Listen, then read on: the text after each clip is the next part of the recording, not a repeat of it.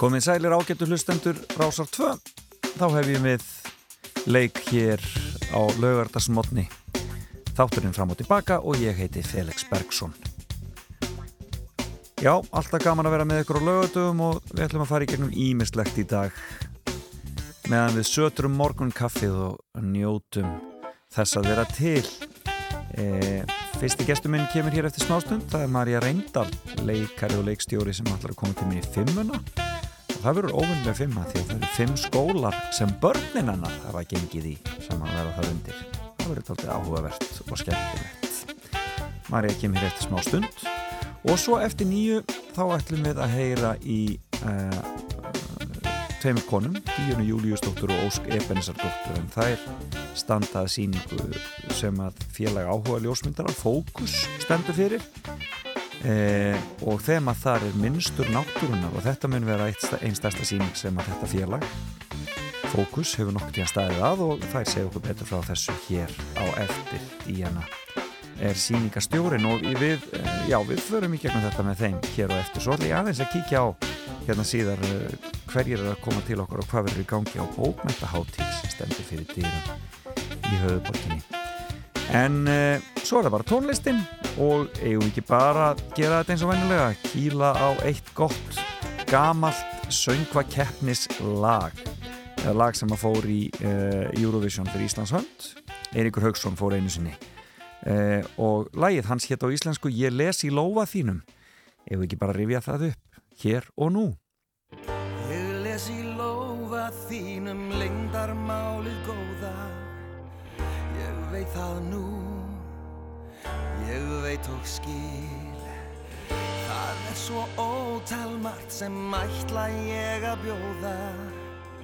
Já, betra líf með ást og hýr Í lofa þínum les ég það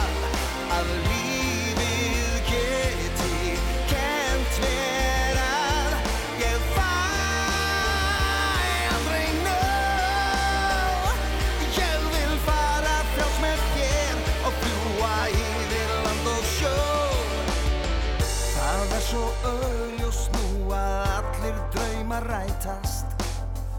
Við höldum frjáls um höf og lönd. Um lífið leikum við og lofar okkar mætast. Þá leiðumst við, já hönd í hönd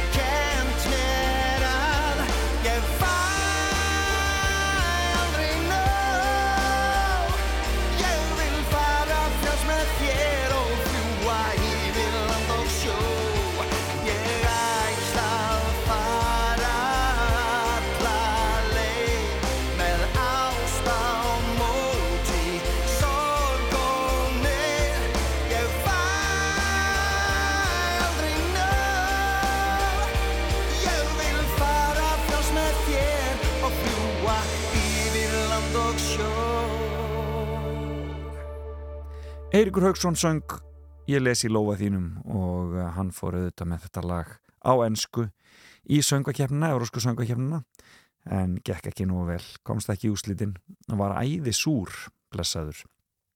Svona er þetta. Valentine Lost hérna, já, í ennskri þýðing. En það er komið að því að heyri henni Marju Reyndal, við fáum eitt lag hér með eh, Karli Orgel tríói og svo byrjum við Marja Reyndal að spjalla.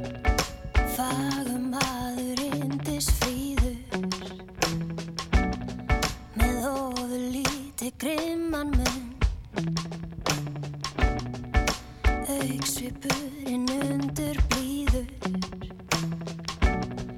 Situr eitt með strákunum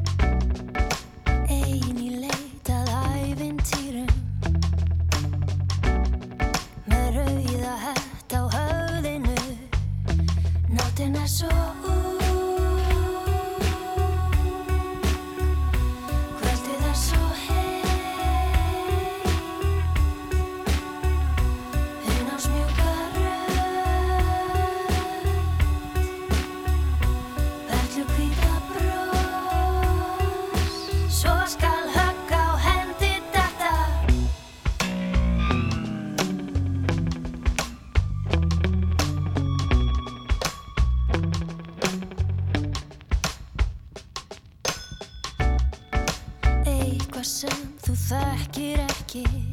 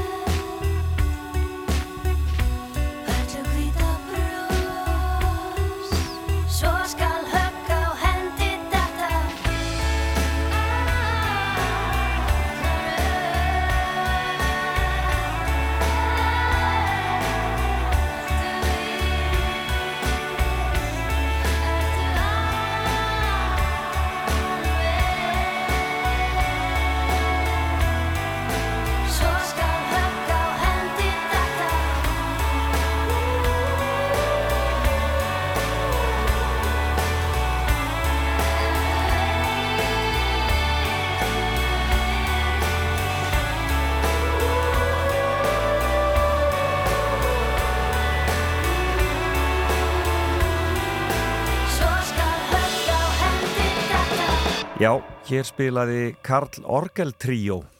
Karl Olgersson þarna í farabrotti og uh, með þeim söngkonan uh, Har Elín Harpa.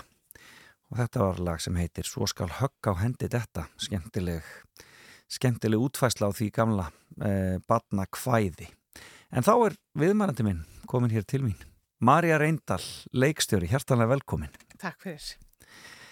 uh, Fyrst ertu morgunmanneskja?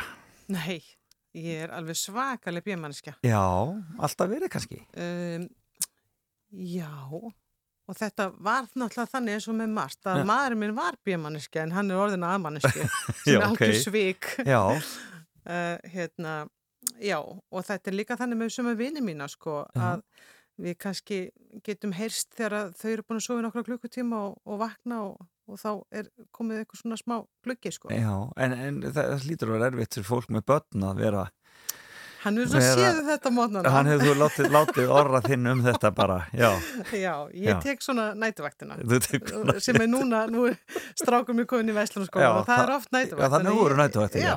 Ég tek það voru kannski minna svona þegar þið voru tíu ára Já, kannski minna Já, svona er þetta jú, ég er svona frekka bjöð sko Já. En hvernig var það fyrir sjálfa því að vera í skóla og svo leiðis Mér erst rosa erfitt að vakna og mér erst það ennþá á veturna. Mér- Þetta er náttúrulega kannski, þó ég vilja ekkert vera að breyta klukkun og svona, ég veit ekki með það mm -hmm.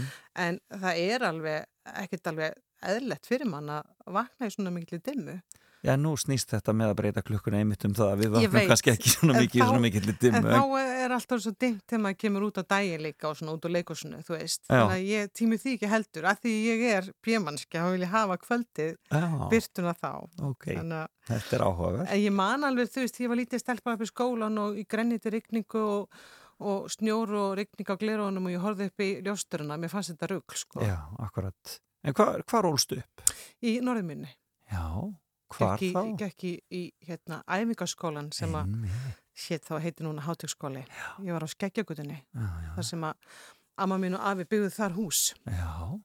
1937 eitthvað um þess. Og varstu þá emingaskólanum í rauninni þá bara alla þína uh, bats tíð já, frá allan 6 og upp í 16? Já, byrjaði með sér fimmara bekk. Já, Það var dásan. Rosa gaman Já. að vera að leika á. Og mannst eftir, því, manst eftir því að Já, byrja 5 ára í Já, skóla? ég man eftir því sko.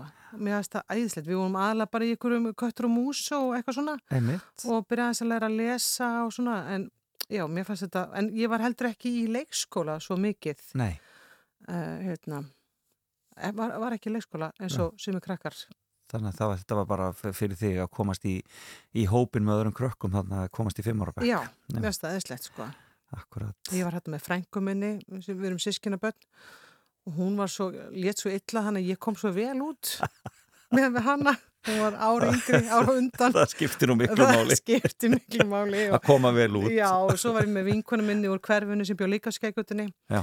og þannig að ég átti alveg fínt baklandarna sko Frábært. Hvernig, hve- hvernig, var, hvernig skóli var æfingaskólinn? Var það eitthvað svona, var hann tilhörna kentur eða var þetta bara venjulegu barnaskóli í rauninni? hann var tilhörnakentur sko Já. hann, að þegar við fengum náttúrulega alltaf sko ég veit það núna, ég Já. vissi það kannski ekki þá því Mhm. það var bara eina sem ég þekkti Mm en við fengum náttúrulega alltaf kennara nema inn Já, og það fannst okkur náttúrulega svakalega gaman að vera eitthvað svona tilhörnadýr og, og fá nýtt fólk inn og alltaf ungt fólk sem að stundum fórum við ekki droslega vel með sko. Nei. það var oft erfitt fyrir þau en, en það var oft gaman líka þegar þau voru að spreita sig okkur í nýjum verkefnum og nýjar hugmyndir og, og svona hann að ég mann sérstaklega eftir að, að, að við gerðum eitthvað leikrit um hafnaverkamenn Já. sem að þau voru búin að æfa og æfa með mér og skrifa hérna, og okkur hópnum skrifa leikrit og, og hérna, þetta var svona samfélagslegt verkefni alveg Já. hérna, haldt árið og síðan þegar við fórum på svið og var dreigir fyrir hana, þá svona bara mínúti í og þau voru með upptöku vélarna tilbúna þetta var svona alltaf skólaverkefni fyrir þau Ja. að þá breytti ég leikritinu. Og ég veit ekki af hverju, ég var bara svona áttara og ég bara breytti sem ég átti svo leðilegt sem við höfum verið að gera og hafði ekkert að pæli því. Já. að mér finnst það leðilegt, fyrir á þessu stundu ég bara, heyri, þetta er eitthvað, þetta er bara eitthvað leðilegt og bara var því bara svona sópað að borðinu og ég bara, heyri, við ætlum að stóðum þarna fjögur þessu leikit fyrir aftansvið og ég bara, ætlum að breyta þessu. Ég ætla, ég ætla, ég skal leika hafnaverka verstjóra ég ætla að vera með hérna, myndilegna og ég ætla bara fylgið mér. Svo, svo var bara dreigið frá Já. og ég bara eitthvað, að takk þess að kassa á mig. Eitthvað, og þetta sló ekki og nema Eftir hálfsársvinnu, kennara nema þér þau bara mistu andlitið þarna því það var ekkert af þessum samfélagslegu hlutum sem, sem að að að verið að en ég, þið hefur náttúrulega lært samt allt alveg helling sko Já. en þarna á þessu mómenti var svona þarna kom allir tíman og segja, þú bara, vá, þetta var frábært, þú varst bara leikar og ég bara, já, heyrðu, þetta er, þetta var skemmtilegt. kannski ég Ég bara ætla bara kannski að skella mér í þetta. átt ára Já, eitthvað svo leys, áttar, ég held að áttar nýjara og hérna, en svo svona kannski, svo þegar ég búið með allt leikalistan námið, allt það hugsaði, já, fatta, já, ég var náttúrulega kannski líka að leikstýra þetta, auðvitað, en ekki já, að já, þú stjórnar þessu með harðri hendi Heldur betur, sko. og tókst bara skarið Já, og að þess að vita nokkuð hvað, og voru samnefndu bara alveg til í þetta Já, þetta, já, Já, þau bara fylgdu mér. þau voru spurð, mikli. Þau bara, já, svo bara spunni. og þau voru bara eitthvað að bera ykkur að kassa og eitthvað. snildinni Þannig að þetta var skemmtilegt. Herðin fimm að þín Fimm Já. skólar sem Já. börnin þín gengu í Já, Mikið er það skemmtilegt já, Ástæðan fyrir þess að þú, þú hefur þið hafið farið svo víða þú og Orri já, við, við höfum verið heppin að þessu leiti. Orri er hérna háskólaprofessor og fær rannsnarleifi Já. og er að skrifa og, og hérna, gera alls konar hérna, rannsóknir rannsóknir sem að krefast þess að við fyrir út um allan heim Já. og svo er ég að hef ég farið meira út í svona skriftir síðustu ár og, Og- eiginlega kannski byrjaða, ég byrjaði að skrifa eiginlega stelpunar 2005 frá Nýjasjálandi þegar við erum í fyrsta skipti í rannsóknarlefi. Og er það fyrsti skólinn þá? E, já, hann er reyndar 2008 þegar við förum í annað sinn til Nýjasjálands Ok, og skólinn sem er fyrsti skólinn er Point Chevalier School ok. sem er í Auckland borg og er sem sagt, skólinn sem við förum í fyrsta skipti með börnun okkar í, í útlöndum Ok, og um, það var nú reynda svolítið erfitt að komast inn í hennar skóla að því að við fórum einhvern veginn svolítið svona impulsi eins og þetta þessi fyrsta saga mín. Við mættum til Nýja Sjálands og ég held að ég væri komin inn í tveggjara mastersnám í kvikmyndarleikstjórn en svo kom það á daginn að ég var það ekki. Já. og ég hafði eitthvað er miskilið Ég hefði eitthvað miskil ímilana og búin að, þetta var mjög fyndið, náttúrulega við búin að fara, leia íbúin okkar og segja upp öllu og ég er búin að láta byrsta viðtali við mig í ykkur blaði með okkland turni í bakið. Og svo bara vorum við ekkert komin inn í skólan og áttum ekkert að fá að fara inn í landiðinni sinni. Það var bara svoleiðis. Þannig að, já, þannig að þegar við lendum eftir 27 tíma með alla búslóðana hérna og tvö börn þreytt, að þá var bara lögregla sem tók okkur hann til hlýðar og sagði, þú veist, að það, þið, við værum ekkert með tveggjára hérna leifi og þetta var alveg getur ykkur og við fengum mánuð sem sagt til þess að retta okkar málum En fenguð að fara inn í landi til fengum að fara inn í fengum landið Já. og, já, og, þá, og þetta vart svona aðeins upp á sig þannig að Hrafnildur sem átt að fara inn í Point Sjöflér skól, hún Mhm. var ekkert komin inn í skólan og, hérna, og ég var ekki komin inn í skólan og ég, við vissum þetta ekki á þessum tímapunkti Ég að ég var ekki komin inn en að því að umsvot mín hafi bara hérna, leið á borðinu hjá útlýtinga hérna, deildinni, fór ekkert lengra Skil þig. Ég held, og þau ætluðu að hafa samband við mig og hefðu aldrei samband þannig ég held bara að því að við erum svo frábært á Íslandi að Já. þetta væri allt í lægi Þetta var allt það klappa og klást. En svo reyndist ekki verið. Nei, svo reyndist ekki vera og svo hérna eh, var þarna frábær kennari Vanessa Alexander sem að er rítöndur, mikill rítöndur skrifar sjónvarsýrjur eins og Valhalla og alls Já, konar já. að hún var hérna yfir deildinni og, og sagði að ef að fyrst að ég væri komin hingað og væri svona mikið fýttuska á þess að vera með þetta bref í höndunum, þá ætti ég klárlega hérna, heima í kvikmyndagerð Já. ég væri algjörlega kúkú og sagði bara þú ert bara komin inn, Já. meina fyrst þú ert komin inn þá er þetta alveg crazy Já. og, Og tók þið inn í skólan. Og þá fór brifið til... Já, eh, þá fór brífið þig og þá gekk þetta, en það þurfti samt sko skólastjórin í Point Sjöflegur skól tók eiginlega málið svolítið í sínar hendur og kom hrafnbildin í skólan hérna og þá voru búin að býða svona í mánuð og, á þeim mánuði var maður án svolítið desperat þá var því. ekki búin að kynnast vera að leika við neina krakka og, Hvað er hún gömul? Hún er þarna, átta ára, Hún er átta þarna. ára, já. og þú veist, ég, ég var svo desperat það er svo fyndið maður eins og hérna þú veist, maður er alltaf að leita Íslendingum í útlendum þegar maður er með börn og svona, ég var svo desperat að reyna að finna Íslendinga, engir Íslendinga beint á nýjaslandi, mjög Nei, fáir einmitt, akkurat. að ég, það, ég man að ég hérna orðið var hann svo þreyttur að hann tók upp símaskrána hérna á tímbili og við, sagt, hann leitaði í símaskrána, hann er fortlega fræng þarna saminast okkar begja svona hæfileikar ég er svona framsækin og hans fortlega þú frægur en hann leittir hópin í algjörar ógöngur og þá fór vortlega fræðingur að retta málunum.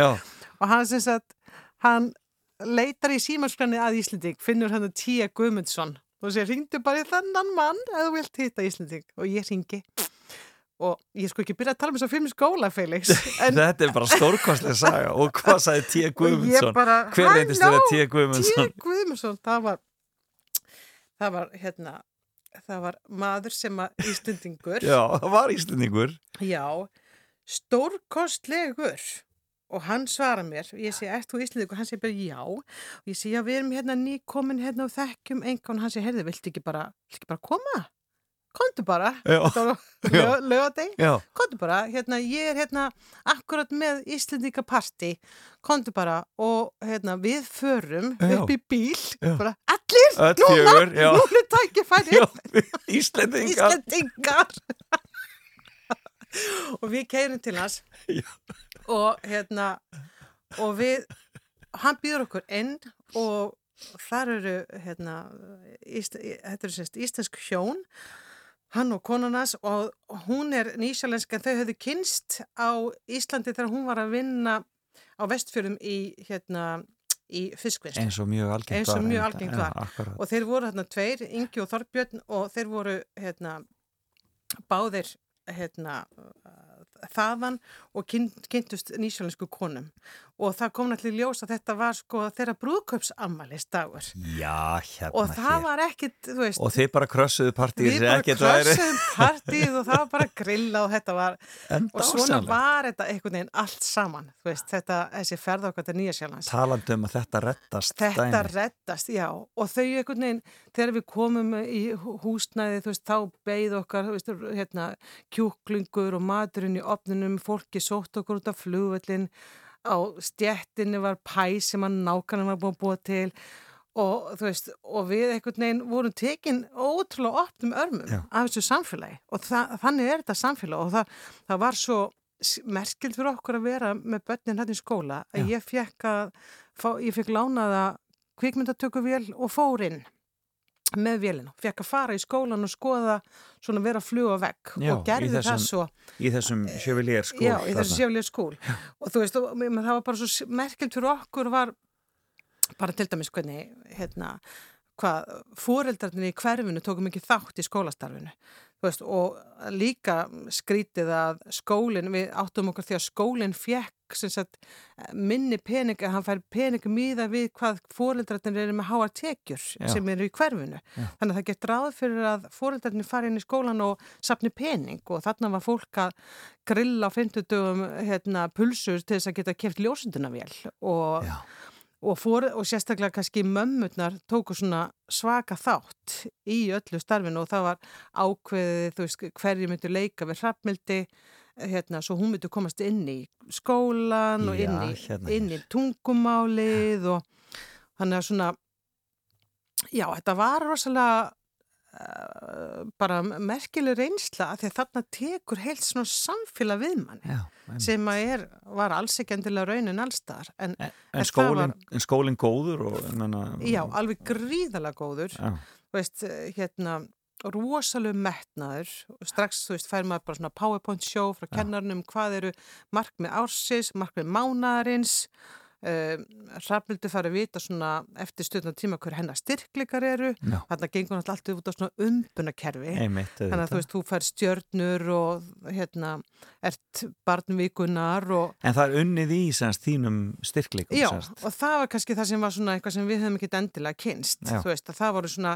styrkleikarnir sem Já. hún voru verið að draga fram Já, og hún fór strax þarna inn í hérna, stórt leikrit sem að var verið að setja upp svakalega metnaðaföld þar sem allir fóreldrarnir tóku þátt í því veist, og svona, já og, og svona, þetta var uh, náttúrulega, fyrsti dagurinn var bara uh, merkileg fyrir okkur að því að þá, það var náttúrulega ennþá sumar og það var eitthvað skólaskemmtun og þá voru allir bara með hvítuvín og þú veist, glös sem þú stingur niður í jörðina, þú veist, þetta þóttu okkur nú, þú veist, ég sé þetta nú ekki fyrir mér að skólaskemmtun í Östubæðskóla, Nei. mæti með vínflöskunar og það og þegar við vorum eitthvað að tala um þetta þá sagði fólk, já það er bara að myndi ekki henn að mæta við fengum ekki að taka okkar sofinjón með okkur, sko, það var hérna, Það var bara svoleið. það er bara Já. og, og þú veist, fólk þetta er svona frekar afslappa samfélag. Fólk lappar um á, hérna, berfætt í skólan Já.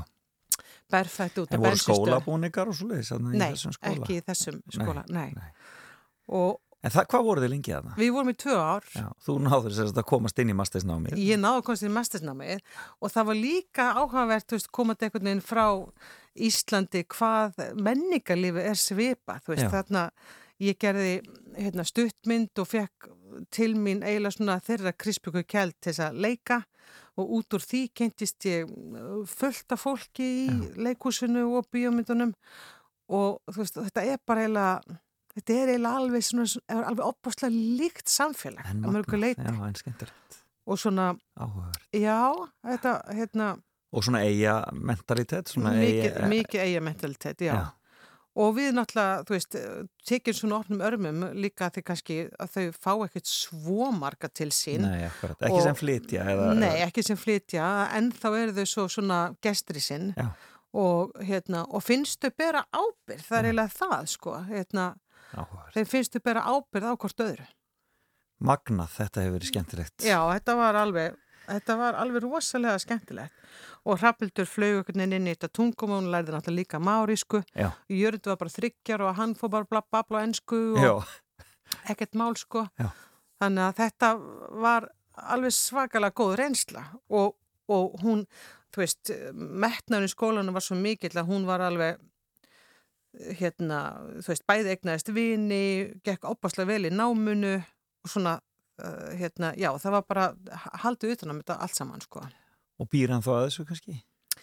Já, hún býr en það, en hún var samt alveg fljóta að missa þetta Já, að sumu leiti, ég já, menna þegar fókusin sko hún var fljóta að missa til dæmis hvernig bókin hennar fór úr að vera óbúslega fín skrifbókin í bara ekki fín. Já, akkurat, af því að það var kannski ekkit verið að spá í svo mikið. En hvað er næsti skóli? Næsti skóli er svo Toronto. Já. og það er 2012 Já, og þá er Jörundur sex ára og hann er búin að gleyma ennskunni og, og það var miklu erfiðara. Já, hann hérna þó að eh, kerfi þar var alveg fínt og var tekið vel á móti krökkum að þá kemur hann einhvern veginn svona eh, svolítið tungumála laus. Skil. og, og, og þá upplifum við að við erum svona þú veist, við erum bara innflytendur við erum hérna hann er sex ára og var ekki í skóla í fimm ára bekk, Já. kann ekki að lesa að skrifa eins og krakkarnir sem eru þar. Þau eru ára búin að vera ára í skóla akkurat. búin að vera svona preschool Já, og eru bara komið miklu lengra Já. heldur hann. Og, og hann og að því að ég fæ að vera með kameruna á hérna, aukslinni að þá sé ég bara hvernig hann lendir í svona ég veit ekki hvort maður sé, ekki kannski einelt en hann lendir svona neðst sko. já, hann er svona neðstur í hann kokkunar neðstinu gokkarnraunni, kann ekki tungumáli. Veist, hann grét svo mikið þarna fyrsta skóladagi, víst, ég var reyndar ekki með þá. Nei, að hann var sko og kennarinn skilda náttúrulega ekkert og, og hérna held að hann var að gráta þegar hann þyldi ekki frönsku tíma þegar hann var í frönsku sko. Og, og þá var hann settur í kýmesku þannig að batnið sem sagt var í kýmesku eitt ár. Já, hérna hér. Kunni smá í kýmesku Já. og náttúrulega lærði enskuna. En veist, ég var að ég var að reyna að kenna hann um ennsku skil, ég var með hann út á hérna, skólaplani að að leika við hann kenna hann um að leika á ennsku Já. hvernig hann ætti að, að grípa boltan bara, þú veist, hérna, Já. let's play og lalala, eitthvað, til þess að reyna að ná honum til þess að reyna að hjálpa honum inn, sko og ég horfi á, þú veist, það er þetta stráku sem er sko búin að vera er, átt erfitt sem að kennarinn tala alveg við, við mig um að þetta er erfitt og hann svona velur að verða vinur hans var svona kannski næst neðstur Já, og ég horf alveg á hann hvernig hann fer með hann þú veist, með kamerun á aukslinni hvernig, þú veist, hann rýfur á hann um úlpuna og Já. stappar á henni og hendur hann niður úr kastalanum og, og það var alveg pínu erfitt sko. Ég trúi því að, svona, að sjá þetta fyrir, sjá þetta fyrir framann framan sig. Hvað hétt skólinn? Þetta var Lord Lansdowne hérna, Lóta landstá já, og frábær skóli sko. En, og, flest, og kannski fæsti, fæsti fóreldrar kannski sjá sko svona þetta gerast hjá börnunum sínu sko. En hvernig gekk hrafnildi þarna? henni gekk alveg bara súpevel hún var hérna Og enskan var alveg enska bara komin og hún bara kynntist þarna vinkonum og var hérna í, í þýðlunnámi, engatímum og fór bara með lestinni þang, veist, nýri bæ og veist, það var ekkert mál. Hún var eins og fiskur í vatni hún var eins og fiskur á vatni, já. Þetta er áhugavert en, en, en hvað varst að gera þarna í Toronto sko? ég var að skrifa, ég byrjaði að skrifa mannasið þarna sem komur svo ekki út fyrir 2017, Einmitt. fimm ára síðar. Ég byrjaði á því þarna og svo var ég náttúrulega að, að hérna, kenna Íslendingum þarna vestuförunum Já. sem eru þarna stór hópu fólks og var að kenna þeim íslensku og það var mjög gaman að kynast því Samfélagi. samfélagi já, Magna samfélag já, og kynntist þarna mjög eh, bara skemmtilegum Íslendingum uh, líka hérna, Sigrunu Stellu sem er vinkona mín og Já. tónlistakona og, og, og Hefur hún búið alltaf tíð í, Kanada eða hvað? Eða, E, já, ég held það að hún hefði gert það. En ekki. íslensku hvað? íslensku, já, já. Og þau öll tala íslensku og þau sískinin. Brilja Já. Þannig að þetta var frábær tími sko og Já. svo náttúrulega komst júrindur út úr þessu og, og hérna og, og, og þetta var alveg geggjað sko. en Þannig þetta var síðar svolítið- hlutin, síðar hlutin var betur en svo Jú, fyrri jú, og en þetta var svolítið kannski ólíkt að því þú veist, það er svo kallt í Toronto Já. en að eftir skóla er maður bara einhvern veginn á skautum í staðan fyrir að vera ströndinni Nákvæmlega og það er eins og eins og eru sundlu og hér allstæri hverju hverfi þá eru skautasvell í hverju hverfi rosalega í veturinn. Já. en En svona stuttan tíma, kannski þrjá mánuði eitthvað svo leys e, já, það er nú lengra og Já, er ok. ótrúlega kalt sko. Já, en magnað þannig að hérna, já en þetta, en svo, þú veist, nýtir maður sér bara borgina sem að Marie og það eru, voru geggjusöp þarna og, Ó, og svona dásamlegt. maður kynast þetta meðlumir og svona Við erum með lag hérna með Sigrunastelu en áður en við heyrum það, þá er það kannski þriði skólinn, svona áður en við Já. heyrum í Sigrunastelu já, það er Phoenix, það er hérna bandaríkin. Phoenix Arizona, já, hvað Það- hétt skólinn? hann heitir Curry Elementary School. Og þar fæ ég líka að fara inn. Já, það er svona eru, er svona brjálaður metnaður hjá kennunum já, að þú veist, þar eru náttúrulega, þar er Jörundur komin með svolítið ennskuna, þannig að hann er ekki sæmu vandræðum. Og það er bara svo rosalega metnað hjá kennarunum í að þetta er, sérst, var skóli með mikið af, af fólki frá Mexiko Já. margir ekki með landvistalefi og þar finnum við bara að þetta er svona uh, upp á líf og dauða að Mm. ná fólki inn, kenna þeim tungumálið. Já og hjálpa því að, að komast í gegnum skólakerfi. Var þá mikil spænska þarna líka? Já, mjög mikið spænska. En Hve- þar, Hvenar eru þið þarna? Hvað er Jörgundur gammal 2015 erum við þarna og hann er þá, Tíu ára eitthvað já, hann er nýjara já og, og hérna og þarna samt eignustu við ekkert mikið af vinum því að bara bandarist samfélag er svo lokað. Allt öðruvísi, já, Það er allt öðruvísi heldur en En er öðruvísi en. Kanada? Já, er Kanada Já, með- Kanada er opnara og, og það er meira svona playdates og fólk Já. er úti meira í sameilum svæðum þú veist, maður kynnist fóruldrónum miklu meira.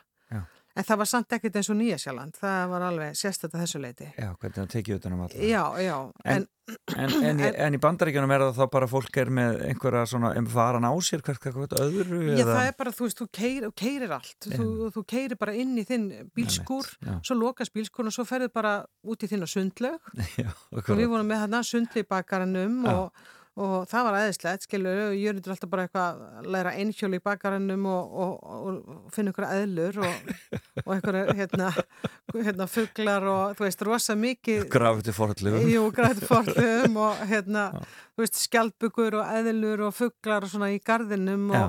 og, og endur og rosa mikið hérna dýralíf og, og náttúra En, en ekkert krakkar. fólk Engi krakkar, nei.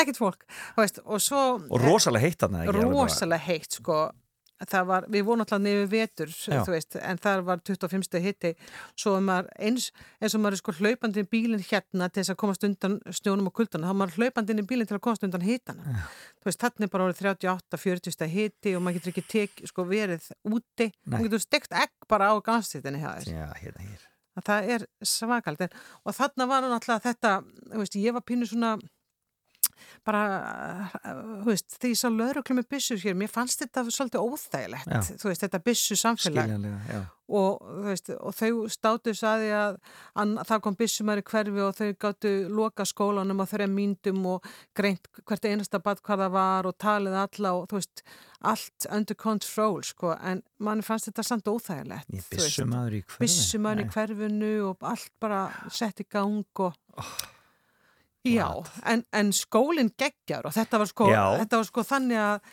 að sko kortrin, veist, skólinn byrjaði nýju, kortrin nýju voru allir mættir, tímyndur nýju allir konni í röð, fimmyndur nýju búið hleypin, klukka nýju var sko allir konni með bækvöldum upp á borðið Já. og svo bara drrrr og byrja að læra, þú veist, og bara, allir væri á styrum.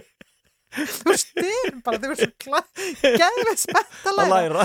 Mér finnst þetta heima svona fólk svona chilla. döstinn, Já, þetta var akkurat. ekki búið að taka upp á töskunni Það er þarna var bara, þú veist, og svo var hann einhvern veginn í svona bara eins og þetta væri, þú veist bara getur betur keppni nema þetta var bara veljulegu þrjuð þetta hérna eitthvað, þú veist, og upp á töflu með, hérna, powerpoint show og hver veit hvað fyrir sinum átta eru deilt með fjónum þetta, þau voru all bara, hérna, sjúklega góð og klár En skemmtilegt. og hann var alltaf látin með einflyttundakrökkun og þessi kennari og náði semst betri árangri heldur en margir aðri bekkir og var svona supermann sko.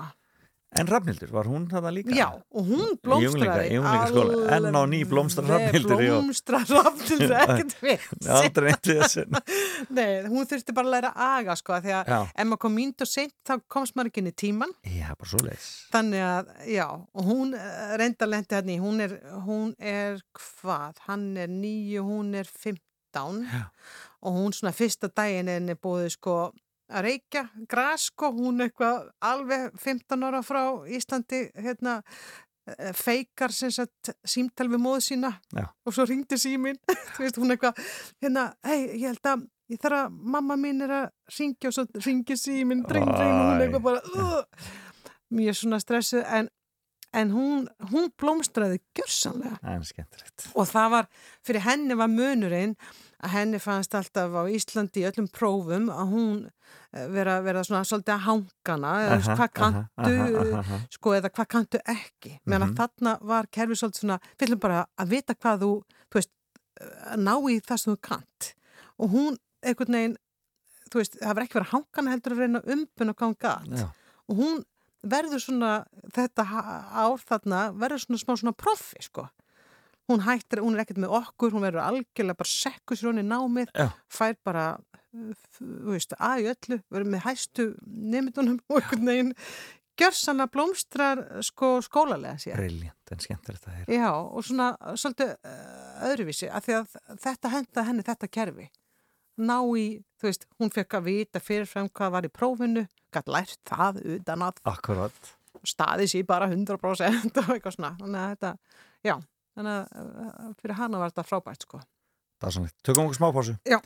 Sigur hún Stella, þú segir, hún, þið eruðu vinir þegar þið voruð í Toronto og þannig að þú er búin að fylgjast með hennar. Já, Ferli. Já, og þegar ég fer á tónleika með henni þá fæ ég alltaf gæsa hún er ótrúlega Circles er lagið sem við erum búin að spila hér á ráðstöð undanfarið. Skulum heyra það. endilega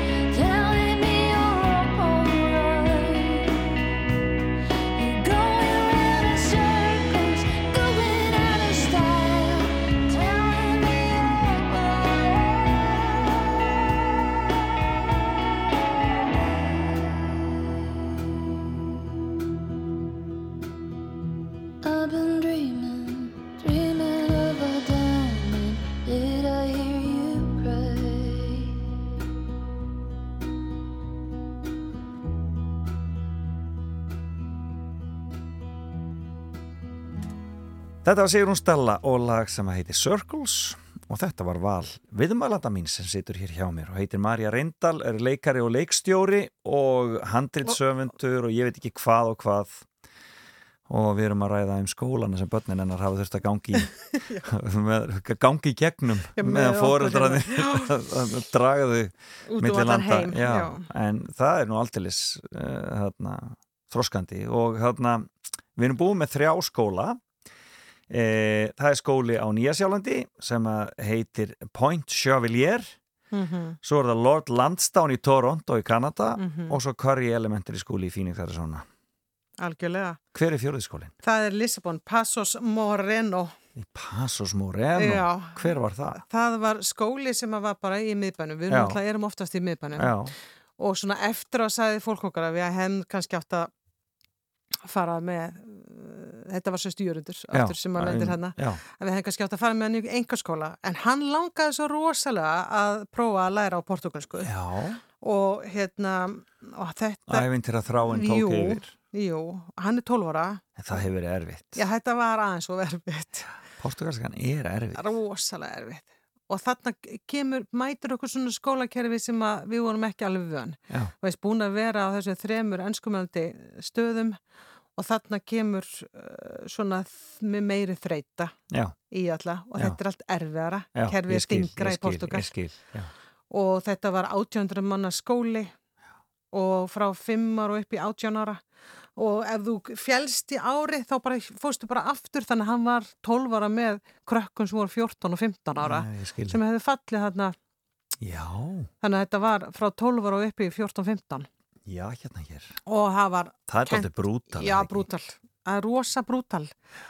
Og um, þú veist við, þau, þau voru alltaf vilja gerð sko, kennararnir og svona og ég fekk ekkert að fara inn í skólan þarna Nei, fyrst hinum ekki, nei, þannig að heimildamyndinni lauk Það- að þeir eru svona Já, eiginlega sko. Þannig að hérna en þau voru alltaf að vilja gerð og en maður fann bara, svo veist, þau voru svona að spurja hvað ætlar að vera lengi, þú veist, og maður var svona halva að reyna að vera ekkert að tala um, við ætlum bara að vera í hálft ár, að, þú veist, að þá nennir enginn að innvistri manni, nei, akkurat þú veist, einmitt, og, einmitt. og maður hugsaði náttúrulega líka til sko innflýtendina hérna heima þú veist þegar við erum náttúrulega erum algjörlega mális, við getum ekki hjálpa hana með tungumálið, Nei. kunnum ekki portugalskuna og erum svolítið að reyna að selja hann sko, þú veist hann Einmitt. er þú veist, ég var fann að halda eitthvað svona ræður sko að sölu ræður sölu ræður sko að pappans Hann væri klár, og já, hérna, hann er veist, mjög klár og já, eitthvað já, við er, já, þetta var svona svoleiðis. Hann er, hann er greindur sko. Já, þú veist að, hérna, og, og hann, hann endar á því að komast þarna í eitthvað svona vísindafélag vísinda, Ok. okay. eitthvað algjöra svona nördahóp sem að bjargar honum sko. Já.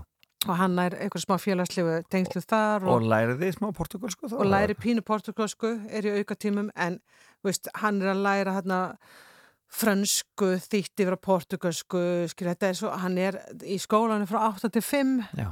og við erum öll bara að lifa geðviku lífi nema jörundur.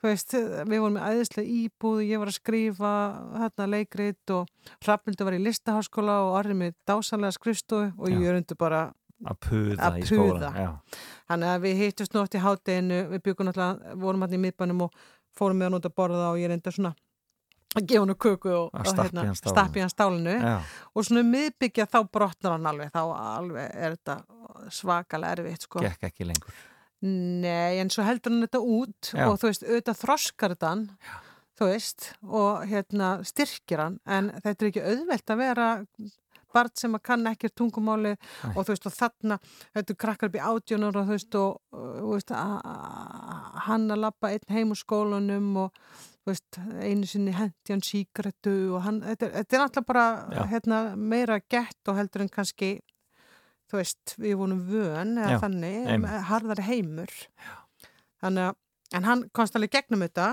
og ég held að þetta sé mjög þroskandi fyrir hann. Hann hefur oft sagt að veist, oft hefur hann verið svona félagslega á toppnum og oft á botninum Já, veist, og það er alveg áhugavert að hafa prófa bæði. Akkurat. Og þú veist, að mismöndi hátt. Og það alveg held ég svona breytir sínmanns á lífið sko. Akkurat.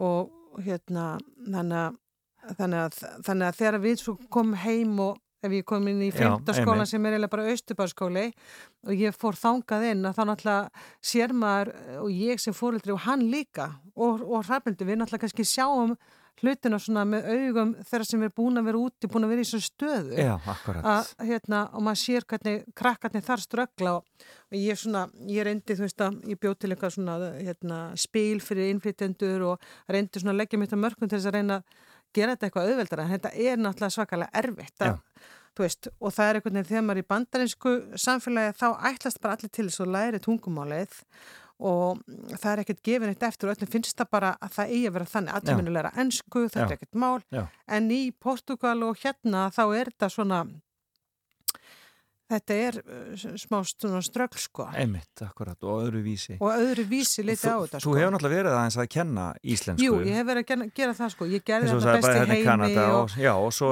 varst að kenna hér heima og Já, og þetta hefur svona al, alveg svona mótamann og kannski áhugasvið manns og var sérstaklega kannski nákvæmlega. ég er nú komin aðeins frá þessu núna en, en þetta hérna þú veist, maður sér þetta alveg og maður sér þetta þegar maður fyrir inn í inn í Östubarskóla, hvað það er það er bara erfitt þegar að þú nærði ekki að fylgjast með tíma, skilur, Nákvæmlega. þú ert bara þú veist, da, dag eftir dag klukkustund eftir klukkustund og þú Já. skilur ekkert hvað er verið að kenna þess, þú veist já, akkurat. Ég minn svo Hrafbildur sagði í ný, á Nýjasland hún var alltaf að segja sko hvað allir væru sumi væri með mist sumi, sumi væri, það var allir með eitthvað fallett Fólk, eh, þessi væri með fallett nef Já. þessi með fallett augu þessi, það var bara svona þá skilur maður alveg að batnið bara són út og horfa Já, fylgjast með öllum í kringu sig af því að hún hérna- veit ekkit hvað er að Nei, gerast veit ekki hvað er að gerast sko Akkurat. og ég er undir í, í Portugal með bara klukkan þú veist, frá 8 til 5 er þetta eins og ákveðin geimsla Þetta er rosalegt. Já, og það er er náttúrulega mjög- það líka hérna ef að krakkarnir tala ekki tungumáli.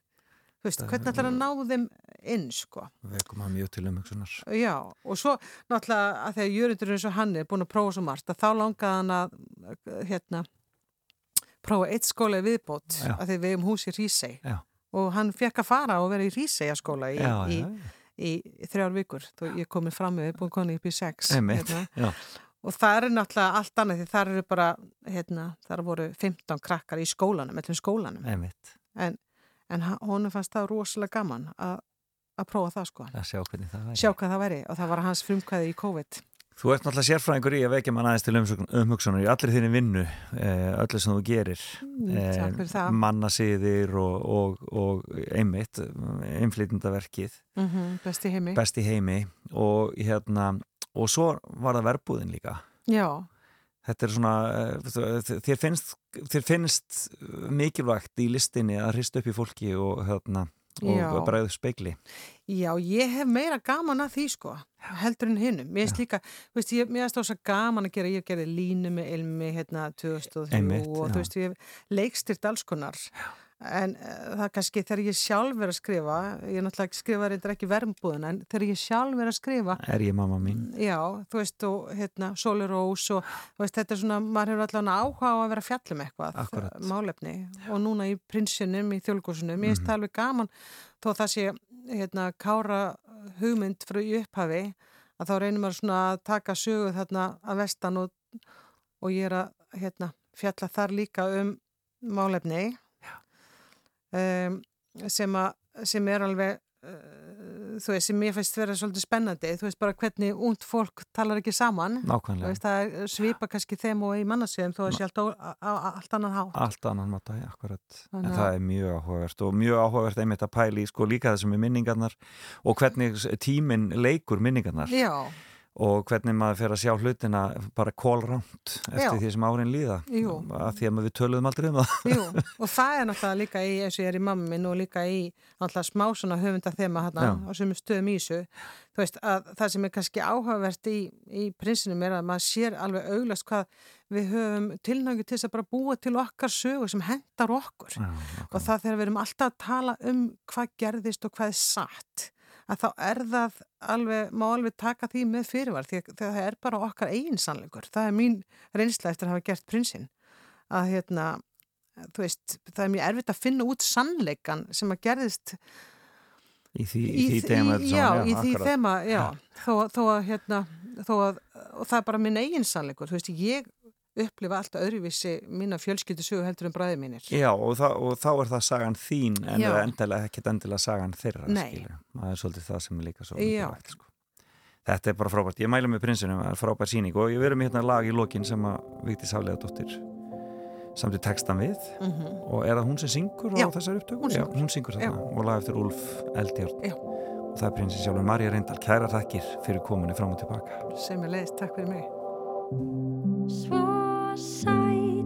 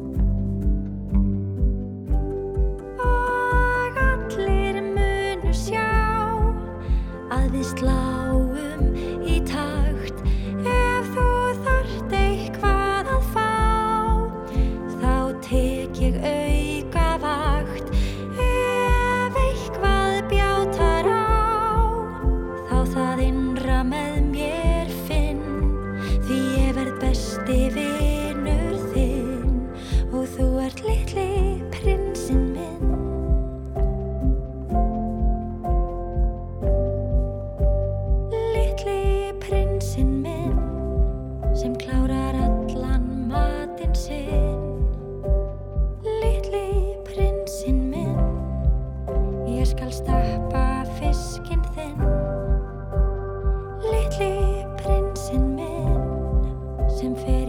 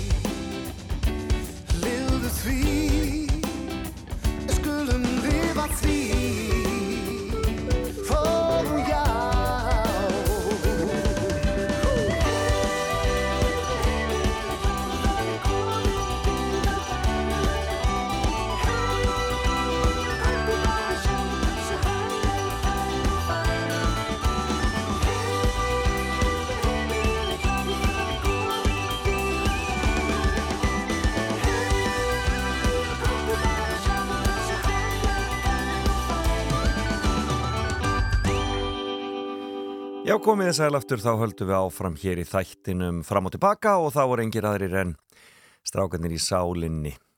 Sálinas Jónsmíns og uh, dýrðardagur varða. Og uh, fyrst að maður er komið sálina hér á fónin, þá er nú óhætt að mæla með síningunni hjá þeim í Vestlunarskólanum sem er að, já, að uh, eru með söngleik byggðan á lögum sálarinnar.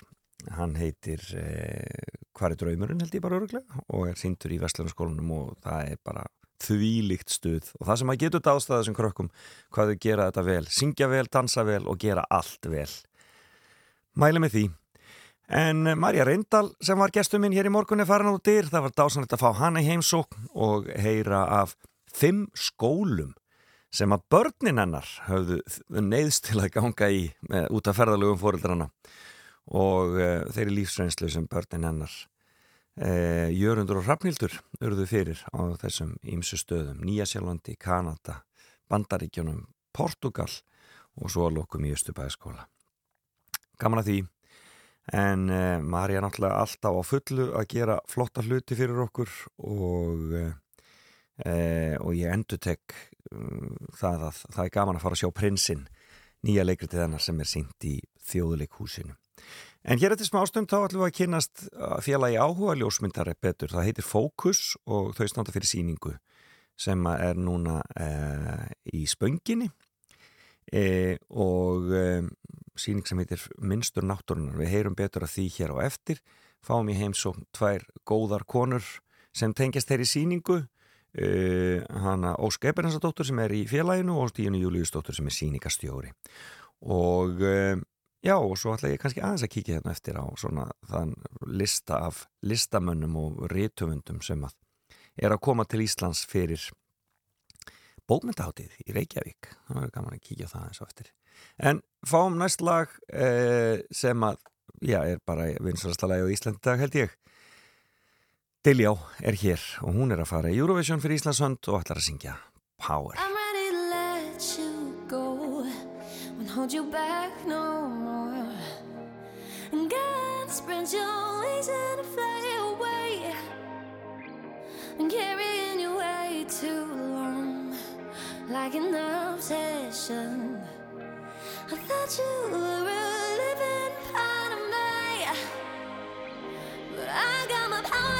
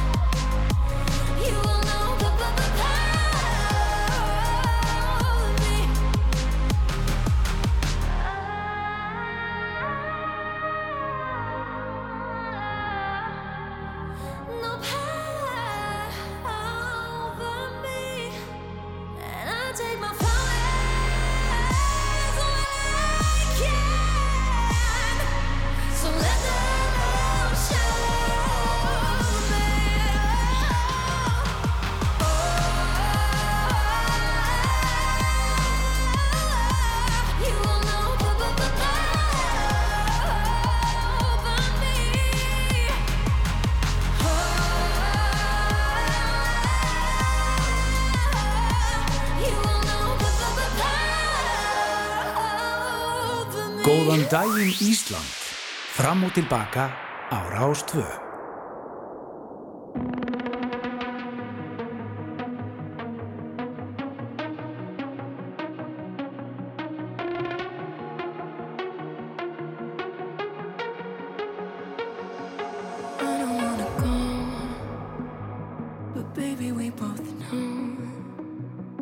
This is not our time.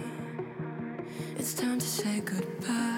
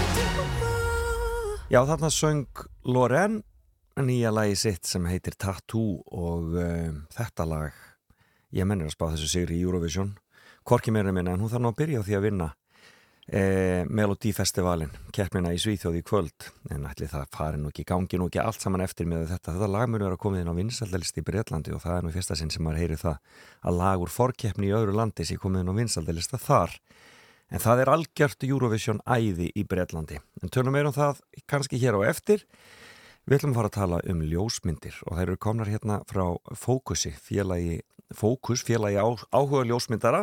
Það er Díana Júliusdóttir og Ósk Ebenesdóttir. Verið velkomnar, báða tvær. Takk helga. Fyrst aðeins um Fókus, er þetta stór félagskapur? Já, þetta er alveg hundrað, yfir hundrað sem sagt, gildir með, meðlimir Já, og svo eru yfir þúsund sem er að fylgja Facebook síðu fókusar. já.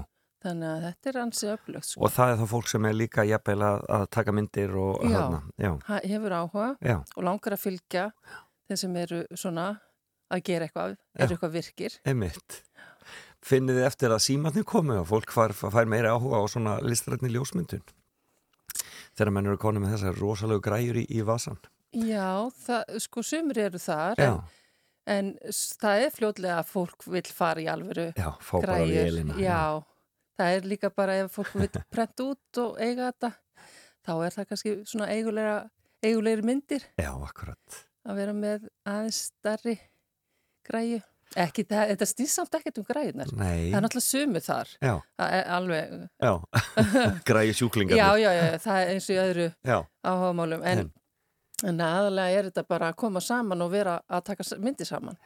Og Það er kannski og í, svona í endanum deginu þá svona hýlistrann að auga á hvað fólk Já, og Næra. svo er það að við erum alltaf að fá hérna reglulega til okkar fyrirlesara og, og hérna þá atunumenn og við lærum alveg gríðarlega mikið af því. Já. og þannig að það er mjög öflugt slíkt starf, svo fræslustarf já.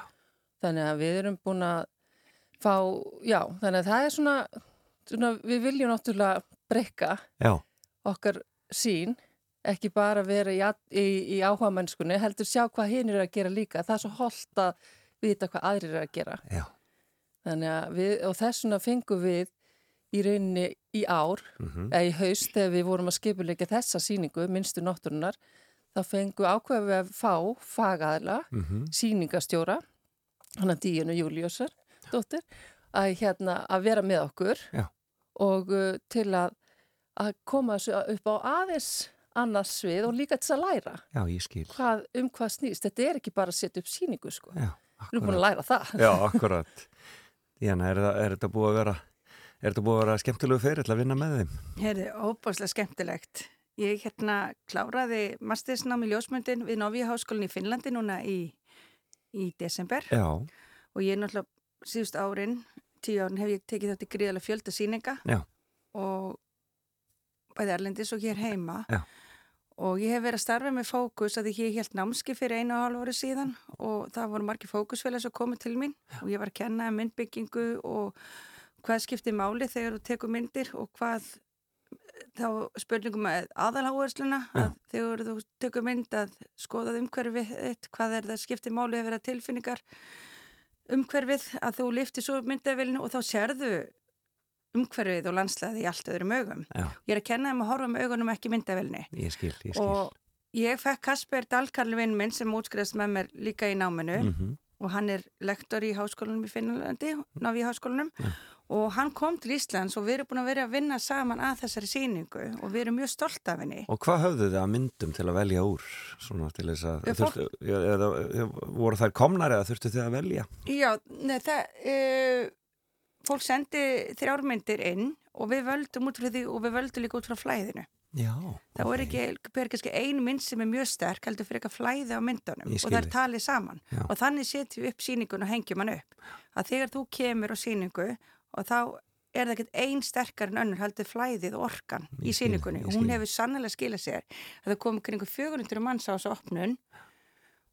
Og það var alveg dásalment og líka kannski það margir sem að voru að sína hafðu aldrei farið á opnun tek, og tekið þátt í síningu svo þeirra var náttúrulega að fá blóm rós, það var eins og sköldur og viðkynningu hafa tekið þátt og þetta, þetta hef ég upplifað Já. og það er svo gaman að áhuga fólk upplifa þetta og þá verður meiri metnar og taka þátt Já. og líka fá fleiri inn í félagið að það geta allir tekið myndir en það er líka að þjálfunin er að, uh, að nýta sköpunarsambandi við tilfinningar tilfinningarnar að hvað er í myndinni, hvað, á hverju er hún áhöfn og á hverju skiptir þessi myndi meira mál en önnur? Og eins og við minnstu náttúrun og þú fóst svolítið inn í smáatriði e, sá sem tók myndinu, þú sást hvað var manneskina hugsað þegar hún tók þessa mynd og það kom ótrúlega skemmtilegar pælingar út frá því. 46 ljósmyndar sem eiga myndir hérna á síningunni. Það er ekkert smáraði. Mm. Þannig að það eru ymsar og, og eru það ekki ólíkar? Þó, þó þú sér talar um að þetta þurfa að vera flæði í þessu þá hljóta myndirnar að vera mjög, mjög ólíkar. ólíkar jú, mjög, mjög ólíkar. Og það er það sem var skemmtilegt svo ég, mér finnst uh, að ég, mér finnst þau hafa lagt gríðarlega metna líka í að, uh, að að taka myndir og senda þessa líka myndir inn. Mm og maður sér líka sko uh, þegar þau taka þátt í síningu og síningu, ég vildi allir taki þátt, þú læra svo mikið að fara á síningar Já. að ef að þú ert ekki samþjóttur ferinn að þú held, er ekki að þú ert ekki nóg góður eða hvað, það snýst ekki um það að þá veistu hvað, hvað er hinn að gera og að þeir gæti gert svona svona. Svo vinstrin Já, eru alls konar umhverfin en sjáum við þau. Já, við verðum að horfa, horfa niður og kannski aðeins að fókus á, á hérna nær samfélagið. Þannig að þetta er svolítið abstrakt. Óskátt þú myndir á þessari síningu? Eða? Já, Já. ég á mynd, við erum öll, já, það eru allir sem eiga eina mynd sem að tóku þá. Hvert er þitt viðfóksefni? Heyrðu, það var eh, svolítið afstrakt einmitt. Já. Ég er svolítið þar, ég tók mynd af sólblómi en Ok. með þannig tækni að það er, ég var bara að reynda með kristalsglas Já. fyrir framanlinsuna. Þannig að bjóð bjó til svolítið svona reyfingu í myndina Já. Og, Og einhver svona prisma einhver. Já, akkurat. Og já, ekkert svo mikið að græjum þannig ég nota bara það sem hendi næst. Og hérna, þannig já þannig ég, Og Já, stóra hugmyndaflugið, þetta var bara sólblóm sem ég ræktaði upp af fræði og, Já.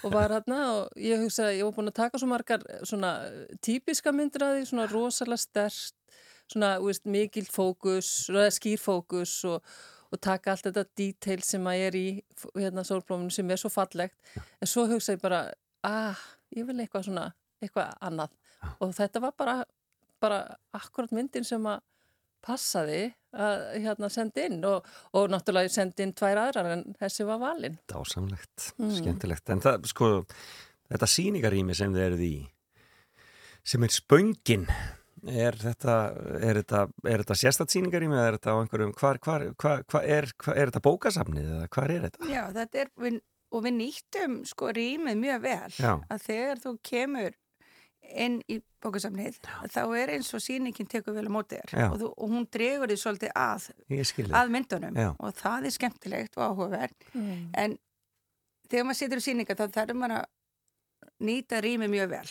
Og, og þú hengir ekki bara mynd, upp mynd einhvers þær bara af því bara það er á, ástæða fyrir það að myndirnar eru valdnar á ákveðna veggi Já. og myndir valdnar saman Þetta er skemmtilegt. En þetta var alveg ótrúlega skemmtilegt ferli og ég er bara mjög stolt af meðlumum fókusar og ég er óbúslega ána líka að áhuga fólk vilji fá fagaðala til þess að vinna saman að því að ljósmyndir að vinna svo mikið í bara einir Já. út í sínu horni að samveina skipti gríðarlega mál og hún er líka svo skemmtileg.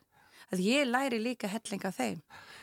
Hvernig, hvernig dregst þú inn í ljósmyndunina og bara ert byrjar sem áhuga manneskja og, og, og ferð svo bara í námið eða hvað? Já, fyrir 12 árum, já, ég kláraði ljósmyndanámi í ljósmyndaskólanum Ok, ertu tíma? myndlistakona að upplægi þá eða hvað? eða Nei, er ég lærði það síðan í Finnlandi, þá tók ég mastersnám í ljósmyndun, eða það heitir menning og listir með áherslun á ljósmyndun. Já, ég skil. Við vorum ljósmyndir sem að fórum í þetta nám, við vorum, vorum 12 sem fengum inn og þetta var 15 mánuða nám Já, og hérna og ég er náttúrulega má taka eftir þetta nám hérna sýningastjórnun og ég er listakona, ég er bæði í samtöku íslenskru myndlistamanna Já. og ég er í félag íslenskra samtíma ljósmyndira skemmtilegt. og ég vinn með fókus félag áhuga ljósmyndira að því að mér finnst um, skiptir ekki máli hvað er svo mikið ment, ment, hvað mikla mentun þú ert með að þú átt að geta unni með öllum.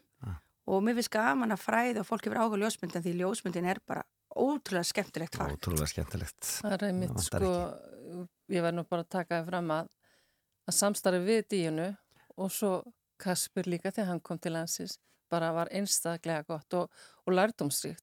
Díana er líka, gefur okkur svo mikla svona inspiration eða hvað maður segja, innlifun og hún er svo, hún er svo a- a- passion, hvað segir Já, maður? já, hún hefur mikla ástriðu fyrir fæðinu. Hún svo mikla ástriðu fyrir viðfangsefnu þannig að það smita svo frá sér Já, frábært. og við finnum það að þetta er svona þetta hefur virkilega gefið okkur aukinn kraft og metnað og einslíka að við erum í samstarfi við hérna, ljó, hérna prentara sem var líka svona óbóðslega metnaðafullu ljósmyndaprentun hérna á Akureyri hann Benedikt þar hefur verið alveg vakin og sofin yfir þessu verkefni og mikil eftirfyrni þannig að við erum bara ótrúlega heppið með fólki sem við höfum fengið til liðs við okkur. Þannig að sýningin er alveg óbóðslega velheppnuð og, og flott Ég sé bara, erum- ég sé bara hvað stolt af henni. Hún er það. í borgarbókarsamlinu í Spönginni og verður opinn til hvaða fram í apríl. Já, eh, 14. apríl Já,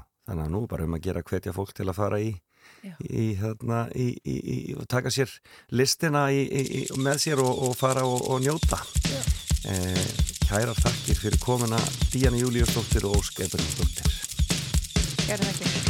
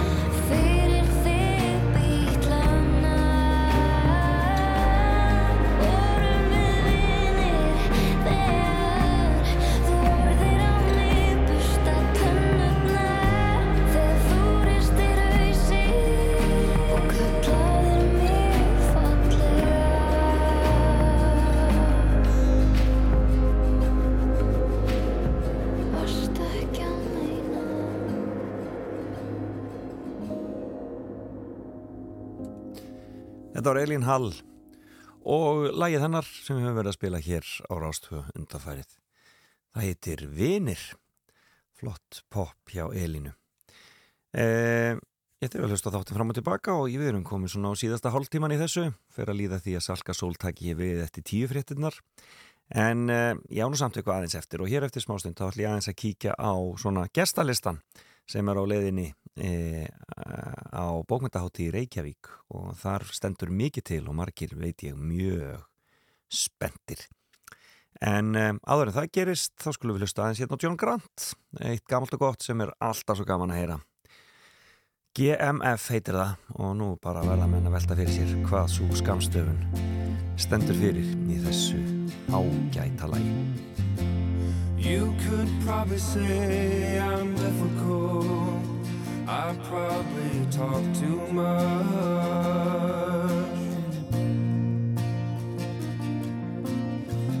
I overanalyze and overthink things. Yes, it's a nasty crutch.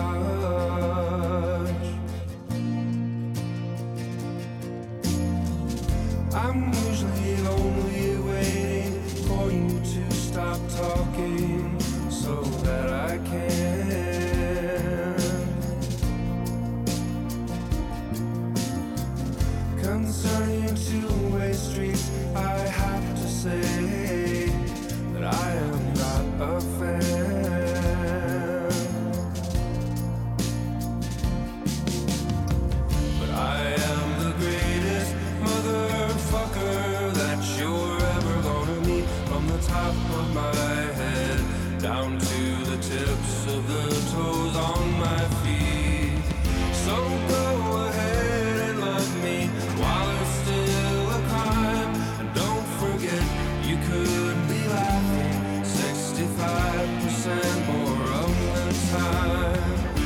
could be laughing 65%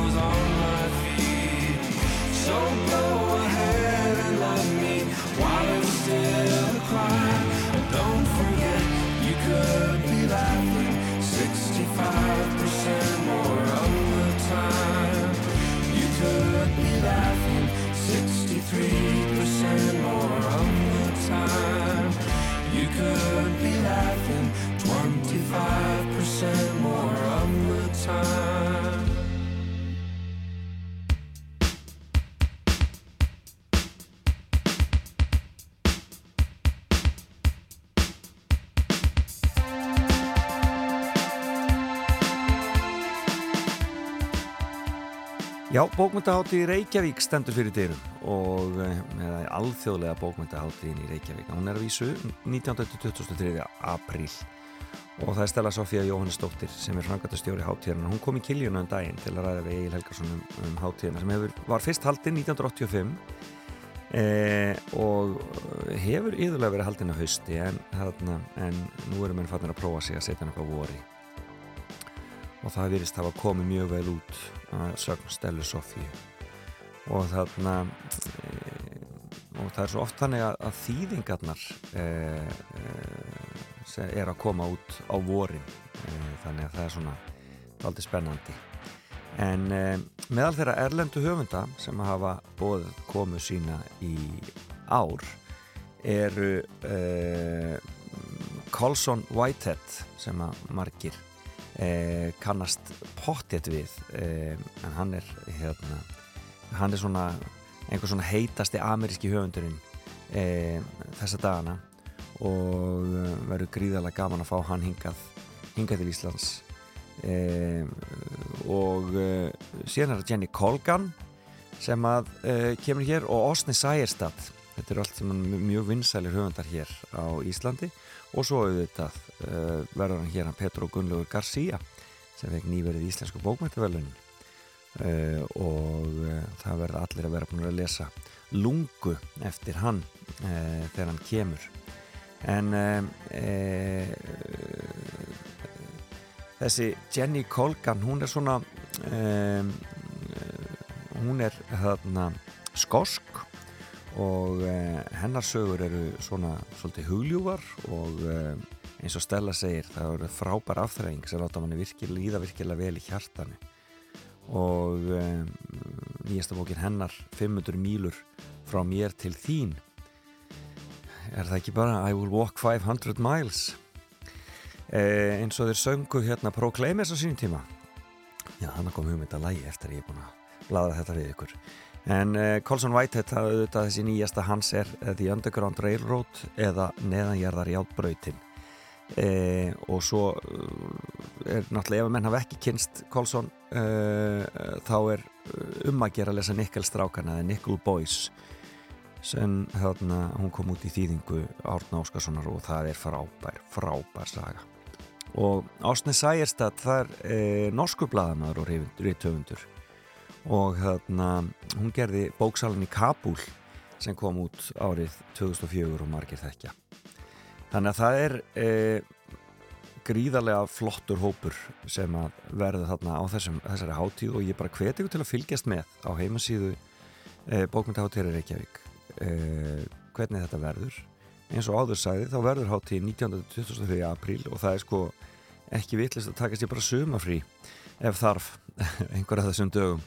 Bara til þess að eh, geta notið þessum upp á bóði þetta er alveg gríðarlega mikil og flott dagskrá sem verður hérna e, og e, já, þannig er nú það. Alltaf eitthvað skemmtilegt í gangi hjá okkur hér heima fyrir. Og vorið kemur. Hvað, hvað sem öðru líður. En líkur þá þessari litlu umfjöldunum bókta átt í Reykjavík sem verður hér í april When I wake up Well, I know I'm gonna be, I'm gonna be the man who wakes up next to you. When I go out, yeah, I know I'm gonna be, I'm gonna be the man who goes along with you.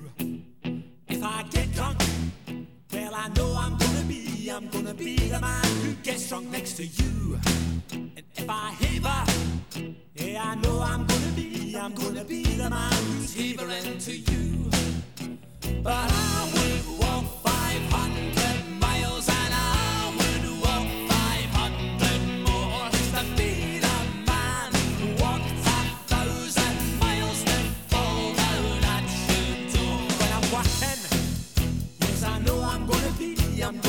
the man who's working hard for you. And when the money comes in for the work I do, I'll pass almost every penny on to you.